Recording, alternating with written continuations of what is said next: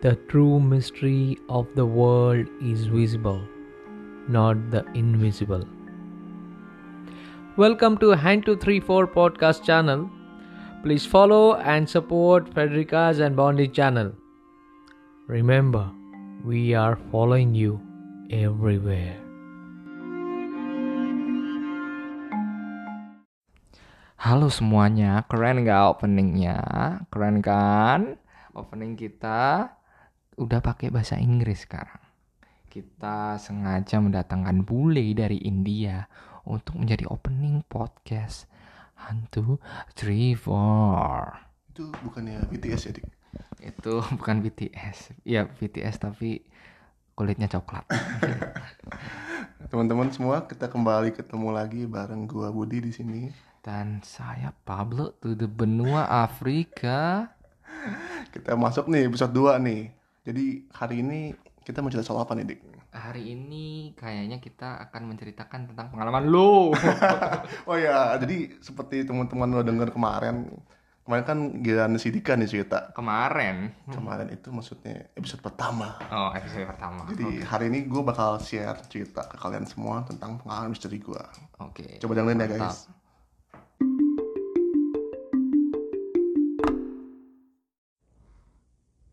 Oke, jadi gini ceritanya. Waktu itu tahun 2010. Waktu itu gue baru masuk kuliah nih, tahun 2010. Kebetulan gue masuk ke salah satu perguruan tinggi di kota yang akan gue samarkan namanya. Bandung maksud lo? Betul, namanya Bandung. nah, waktu itu kan baru lulus SMA kan, masuk kuliah. Gue sama teman-teman gue itu kita ngontrak suatu rumah di suatu bukit yang deket sama kampus gue. Di mana itu ada tiga kamar, Hmm, masing-masing itu dua, dua, dua. Rumah kontrakan gue itu jadi situasinya dia punya halaman belakang yang gede banget, luas. Itu tembus sampai ke belakang yang di mana arahnya itu tuh nantinya akan tembus ke aliran sungai. Tapi dia udah pisahin nih, ini tanahnya bagian dia ada pagarnya tinggi, gede. Nah kamar gua sendiri itu kebetulan banget jendela kamarnya ngadep ke si bagian hutan-hutan itu. Di hutan ini itu banyak pohon-pohon bambu. Situasinya biasanya tuh kalau malam udah habis maghrib gitu ya, itu sepi banget nih rumah kontrakan gua. bentar, bentar, bentar. Itu tuh lu sendiri yang milih rumah kontrakan itu atau gimana kok lu bisa dapet rumah kontrakan yang kayak dekat dekat sama itu deh hutan? Jadi sebenarnya ini awalnya kan pada nggak familiar nih sama si kota B ini. Salah satu temen gua, omnya kebetulan itu emang udah lama tinggal di Bandung. Jadi dialah yang referensiin kita buat eh rumah kontrakan ini aja gitu. Hmm, jadi itu referensi dari om yang suka nyimpen sampah itu ya? Bukan, kalau itu yang episode pertama, The Oh, Hoarding. ya udah makanya jangan lupa ya guys. Kalau yang belum dengar episode pertama, langsung saja nanti diklik di episode pertama yang judulnya hoarding. Oke, lanjut. Nah, kalau pengen pada tahu juga, jadi kampus gua ini sebenarnya lumayan terkenal. Jadi kalau di sekitaran tahun 2010 itu ada lah salah satu eh, artikel yang ngomongin soal kampus gua di mana katanya tuh ya di liftnya gedung ekonomi itu tuh ada orang lagi selfie, foto, terus ada sesuatu yang ikutan terfoto di foto itu. Jadi ada sosok bayangan yang menyerupai seorang wanita yang padahal tuh sebenarnya bukan bayangannya mereka, tapi ada ikut di foto kayak mereka gitu. ikut nimbrung selfie gitu ya. Iya, semacam itu. Anjir serem banget. Tapi sebenarnya lu tuh takutan gak sih maksudnya kayak gitu-gitu? Gue sih orangnya tuh bukan yang takut banget sih sebenarnya sama yang begitu gitu. Nah di kontrakan gue sendiri itu sebenarnya awalnya juga gue kayak biasa aja sih, nggak yang takut banget. Walaupun itu emang yang tempatnya yang gelap banget, apalagi kalau malam itu nggak banyak sih, ada kayak lampu-lampu gitu. Dan biasanya di pohon-pohon yang di belakang hutan itu suka banyak kayak kunang-kunang gitu juga.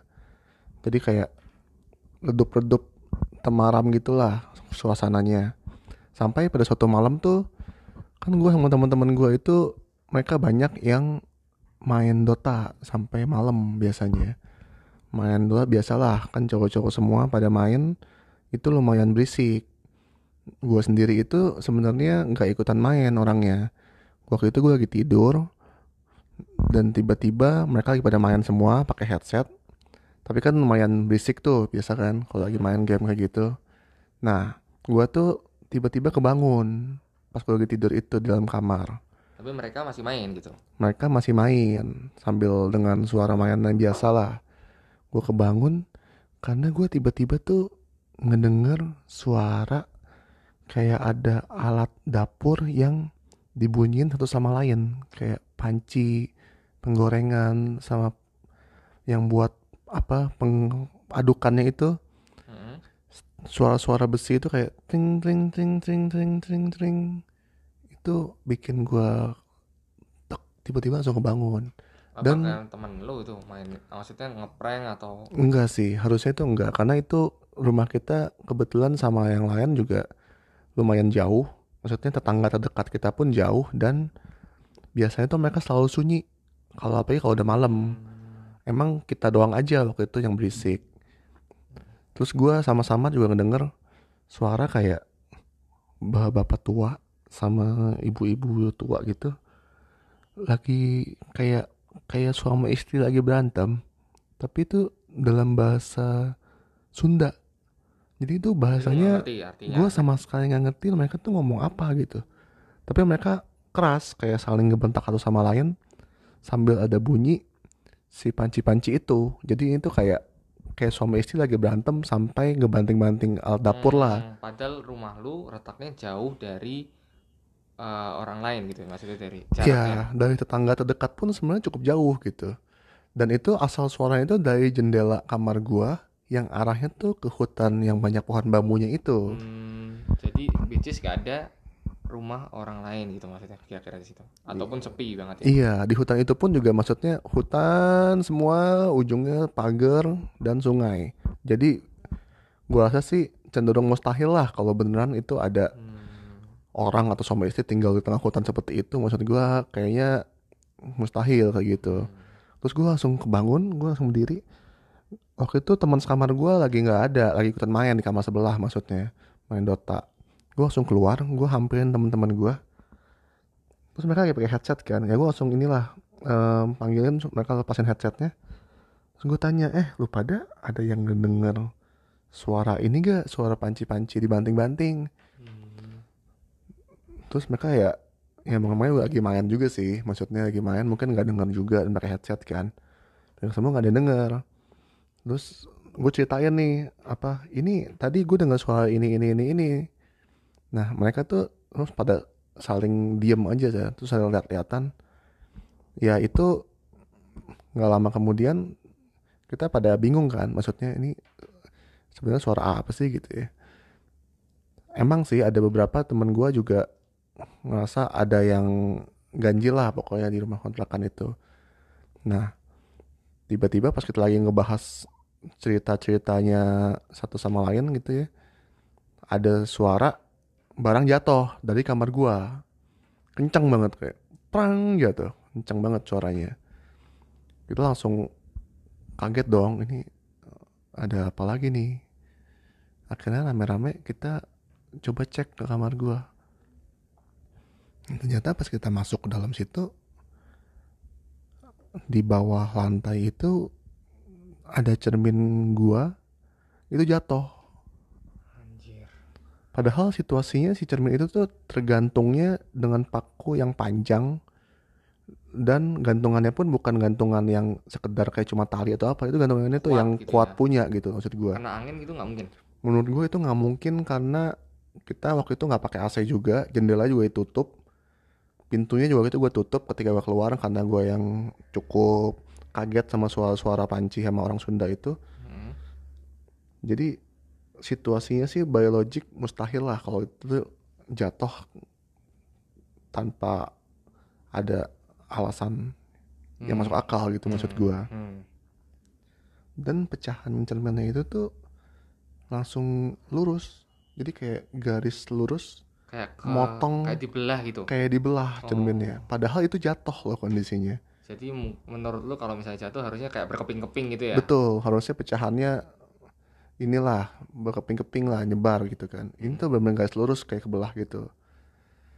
Nah kita sih waktu itu malam itu jadi saling diem-dieman gitu. Maksudnya kayak diem berpikir Speechless gitu ya. speechless lah ini ada apa? gitu. Tapi akhirnya sih gua sama teman kamar gua kita em, tinggal tidur di dua kamar nah sisanya lah. Jadi tiga tiga Hmm, buat kita ke depannya coba cari tahu lagi nih sebenarnya ada apa sih? Maksudnya apakah emang kitanya terlalu berisik atau karena kita pendatang baru jadi dalam tanda kutip mungkin ya kenalan dulu atau gimana? Kayak gitu sih. Besoknya kita coba lah tanya ke si ininya apa yang punya rumah kontrakannya.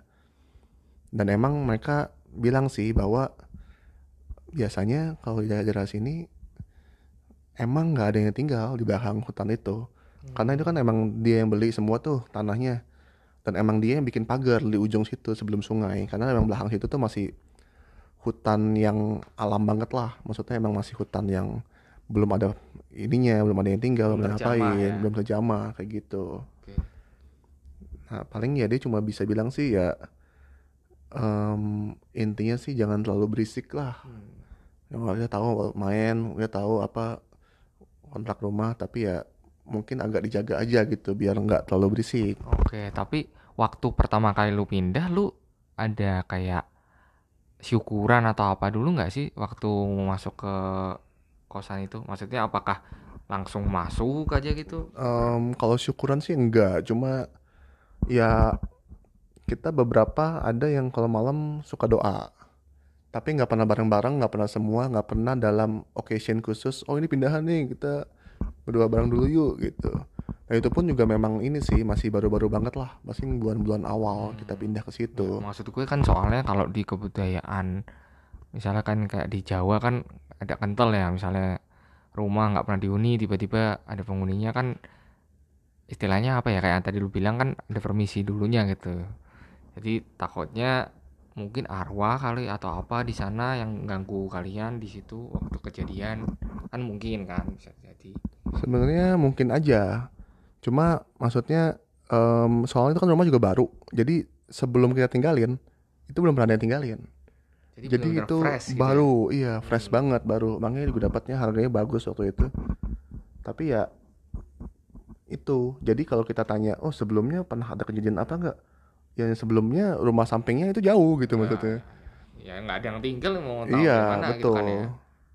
Dan memang em, sebelum kita datang itu tempat itu sempat dijadiin gudang dulu rumahnya. Dijadiin gudang. Nah kejadiannya itu terus lanjut lagi nih beberapa hari setelahnya setelah kita Jadi nggak nggak nggak berhenti sampai di situ. Enggak, masih banyak sebenarnya kejadian-kejadian ini nih. Emang agak serem sih. Jadi nggak lama berapa hari setelah itu ya kita udah agak tahu diri dikit lah gitu kan. Kita Nggak terlalu gitu ya. berisik kalau malam-malam. Kita mulai agak lebih tenang. At least ya mungkin siang sore masih cukup rame. Kalau malam kita udah jaga-jaga lah maksudnya gitu. Nah tadi suatu ketika ada temen gue itu eh, nggak sekamar sama gue, kamar sebelah. Dia tuh tidur ketika dia ngandep kanan itu tuh pas tegak lurus sama jendela juga. Which is itu nggak sedekat kamar jendela kamar gua ke hutan itu sih, tapi dia lebih jauh dikit.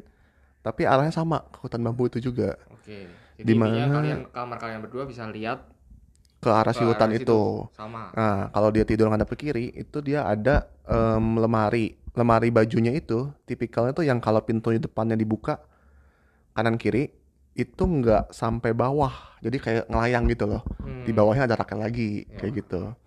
Dia kan eh, anak arsitek ya, jadi dia suka sering lembur lah, maksudnya sampai malam. Dan jam tidurnya, maksud gua siklus tidurnya jadi nggak normal maksudnya. Dia sering kebangun tengah malam jam 3, jam 4 itu dia suka kebangun. Di suatu subuh sekitar jam 3 jam 4 itu dia kebangun dia kan dapet kiri nih. Dia buka mata kamarnya waktu itu dia kunci. Dia ngelihat lemarinya itu kebuka. Dalam keadaan kebuka dan dia waktu itu tidur sendirian kamarnya dikunci dia ngelihat di bagian bawahnya yang nggak ketutupan pintu lemari itu itu ada kaki ada sepasang kaki seakan-akan kayak kalau ada orang lagi buka berdiri buka lemari lagi mau pilih baju Tapi dia sendiri itu dia. ya? dia sendirian kamarnya dia kunci padahal itu kalau dia nengok ke kiri maksudnya buat ngintip ke dalam itu mungkin bisa aja kan maksudnya. Ya dia nggak tahu lah apa yang bakal dia lihat waktu itu. Tapi karena ya gue ngerti sih dia takut banget waktu itu katanya ya. akhirnya dia balik badan ke kanan ke arah jendela itu. Jadi waktu itu dia dilema nih. Kalau gua bangun gue coba mungkin tutup lemarinya atau gua ngintip ada apa dia kan maksudnya takut ngeliat kalau nggak sengaja ngelihat juga dong. Hmm, yang dia ini was-was gitu. was-was lah maksudnya. Akhirnya dia balikin diri belok ke kanan aja terus dia pikir aduh kayaknya gue mau tidur aja. Maksudnya ya udah gitu. Capek juga ya. capek biarin lah maksudnya apa pun itu. Sebenarnya dua kemungkinan. Maksud gua bisa aja kan sebenarnya itu ada yang dobrak pintu kamar dia terus ya emang mau ngambil barang di lemari dia bisa aja kan sebenarnya Maling gitu lah. iya maksud gue sebenarnya bisa aja. Terus dia belok ke kanan dia coba tidur. Dia coba tidur tapi dia nggak bisa kayak bisa tidur gitu. Dia coba balik ke kiri. Maksudnya mau setengah balik ke kiri gitulah. Tiba-tiba pas balik ke kiri di belakangnya tuh kayak kayak mentok gitu. Kayak belakangnya ada Ganjel. ada yang ganjel Anjir. nah itu dia makin lebih serem lagi. Jadi dia akhirnya dan karena dia masih was-was dia akhirnya memutuskan tetap balik ke kanan lagi. Dia Jadi baca gitu. doa dia pastiin usahain pokoknya masih tidur gitu. Nah tapi lagi-lagi dia nggak bisa tidur. Jadi ini kondisinya udah kejepit banget nih. Kalau dia melek dia ngelihat ke arah hutan. Jadi dia bener-bener waktu itu dia tutup mata tapi dia belok kanan belok kiri belok kanan belok kiri gitu. dia tutup mata dia stay di kanan dia nggak berani coba ke kiri lagi Ivan Oke. karena kalau kiri mentok Ya gitu gue juga kalau jadi dia juga takut sih Iya. gitu. sampai ya. akhirnya besok paginya sampai kita kita udah pada bangun udah pada udah jam-jam yang mau kampus lah jam 7 jam 8 baru kita bangunin dia kita buka pintu kamar dia kita panggil dia baru dia akhirnya berani bangun dan cerita Jadi dia nggak tidur gitu atau akhirnya berarti bisa dibilang dia nggak tidur berusaha tidur nggak mungkin sempat setengah-setengah tidur tapi nggak tidur juga Hmm. gitu maksud gua. Oke. kayak gitu. Dan itu ya kan kita kontrak satu tahun ya. Ya emang sih sejak saat itu kita jadi lebih sering berdoa bareng lah di kontrakan itu. Dan emang pelan-pelan kayaknya dalam bentuk gangguan-gangguan yang kayak gitu pelan-pelan makin hilang sih dan setelah setahun ya udah akhirnya kita memutuskan kita harus segera cari tempat lain gitu maksudnya Tapi tapi kenapa maksudnya apakah ada gangguan lagi selain itu habis yang eh, ngelihat kaki setengah doang itu habis itu ada gangguan lain atau e- emang udah biasa aja terus kalian emang mau pindah atau gimana? Kalau yang gangguan besar sih sebenarnya cuma dua itu aja. Setelah itu ada lah tapi kayak sama-samar kayak cuma Suara, suara-suara, gitu iya. Kayak apa tahu kalau suara furnitur kayu digeser itu kadang malam-malam suka ada gitu-gitu. Malam pagi juga ada. Iya. Nah, oh iya terus yang si temen gue itu ngecek lemarinya kan pikir kan oh mungkin jangan-jangan itu maling aja gitu kan Iya. dan emang nggak ada yang hilang juga nggak ada yang berubah juga Jadi nggak ada barang yang hilang, pasti bukan maling. pasti gitu. bukan maling Atau maling terus Tapi- dia kabur gitu. Nah itu kita udah cek nggak begitu ternyata nggak ada barang hilang nggak ada yang kayak gimana tapi sejak saat itu akhirnya lemari itu pintunya dicopotin sama dia Karena takut kali karena ya. takut kalau itu keulang lagi Hmm. akhirnya pintu dicopotin ya udah gitu Tapi gitu. dia sempat nggak ngelihat maksudnya kayak wujud sesosok wujudnya kayak gimana? kalau wujud sih enggak tapi dia sempat bilang ketika dia mau coba belok kiri dan mentok itu ya emang apa ya kalau kalau belok kalau tembok kan lo tahu kan lurus gitu kan Hmm. lurus dan ya dingin lah maksudnya gitu kan kalau ini tuh kayak dia tahu itu nggak lurus dan Kayak ada itu cenderung hangat gitu ya? iya kayak mungkin ya mungkin kayak orang gitu ya tapi dia pikir nggak mungkin orang karena ya pintu dikunci gitu loh Tapi waktu dia bangun pintunya dikunci nggak? waktu dia bangun pintunya masih dikunci Ya berarti itu pasti dikunci dong. betul makanya Jadi itu dia nggak nggak maksudnya dia nggak salah nginget kalau itu dikunci atau enggak iya gitu. kita sih waktu itu sempat shock juga maksudnya ngebahas itu berkali-kali beberapa hari dan ya Tapi kalian Kita- nggak memitiskan untuk langsung pindah. enggak karena udah bayar setahun Oh iya, juga soalnya kan logiknya kalau misalnya ada maling, kalau dia keluar dari jendela atau mana kan ketahuan. iya atau betul kalau dia keluar mana bisa pintunya masih kekunci pagi-pagi. Memang dia bisa mengunci dari luar. betul kunci. sedangkan jendelanya pas di depan mukanya teman gue itu Anjir. Habis itu kalian nggak coba tanya-tanya juga ke orang paranormal atau orang pintar? oh kalau sampai situ sih enggak karena kita pikir juga em, ya serem tapi nggak sampai yang kita kehilangan apa kehilangan apa. Dan memang setelah itu kan juga ya mungkin awalnya seperti gue bilang semacam perkenalan yang membuat kita setelah itu jadi lebih behave juga sih. Jadi ya gue pikir sih mungkin ya memang kita secara nggak sadar mungkin aja melakukan hal-hal yang mereka nggak sukain aja sebenarnya.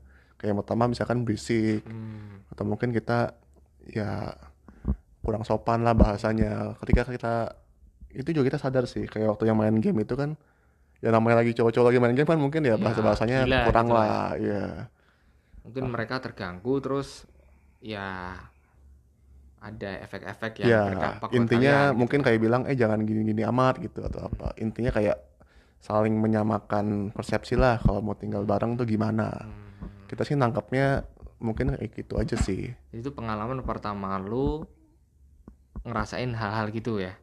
Iya betul. Jadi em, awalnya gue nggak belum pernah sampai yang dalam tanda kutip tuh pengalamannya tuh sekental ini gitu ya. Hmm. Ini salah satu yang langsung dialami sendiri dan cukup kental juga gitu maksudnya unsur misteri dan horornya. Ya udah paling gitu sih cerita yang bisa gue share buat hari ini. Hmm, lumayan serem sih ya ceritanya ya. Emang kayaknya kota B itu banyak sekali ya kejadian-kejadian misteri sama horor ya kalau gue tahu. Karena lumayan adat Jawa Baratnya lumayan kental ya kayaknya. Ya paling gitu aja. Buat teman-teman yang punya cerita horor atau cerita misteri, jadi kita nggak harus cerita hantu, mungkin mau cerita misteri atau ataukah mau request cerita yang kalian pengen tahu bisa DM ke Instagram kita nanti kita kasih linknya. Nanti mungkin di episode episode berikutnya kita akan bawain cerita kalian atau mungkin mau DM untuk kasih komen atau feedback. Jadi sampai jumpa di episode berikutnya.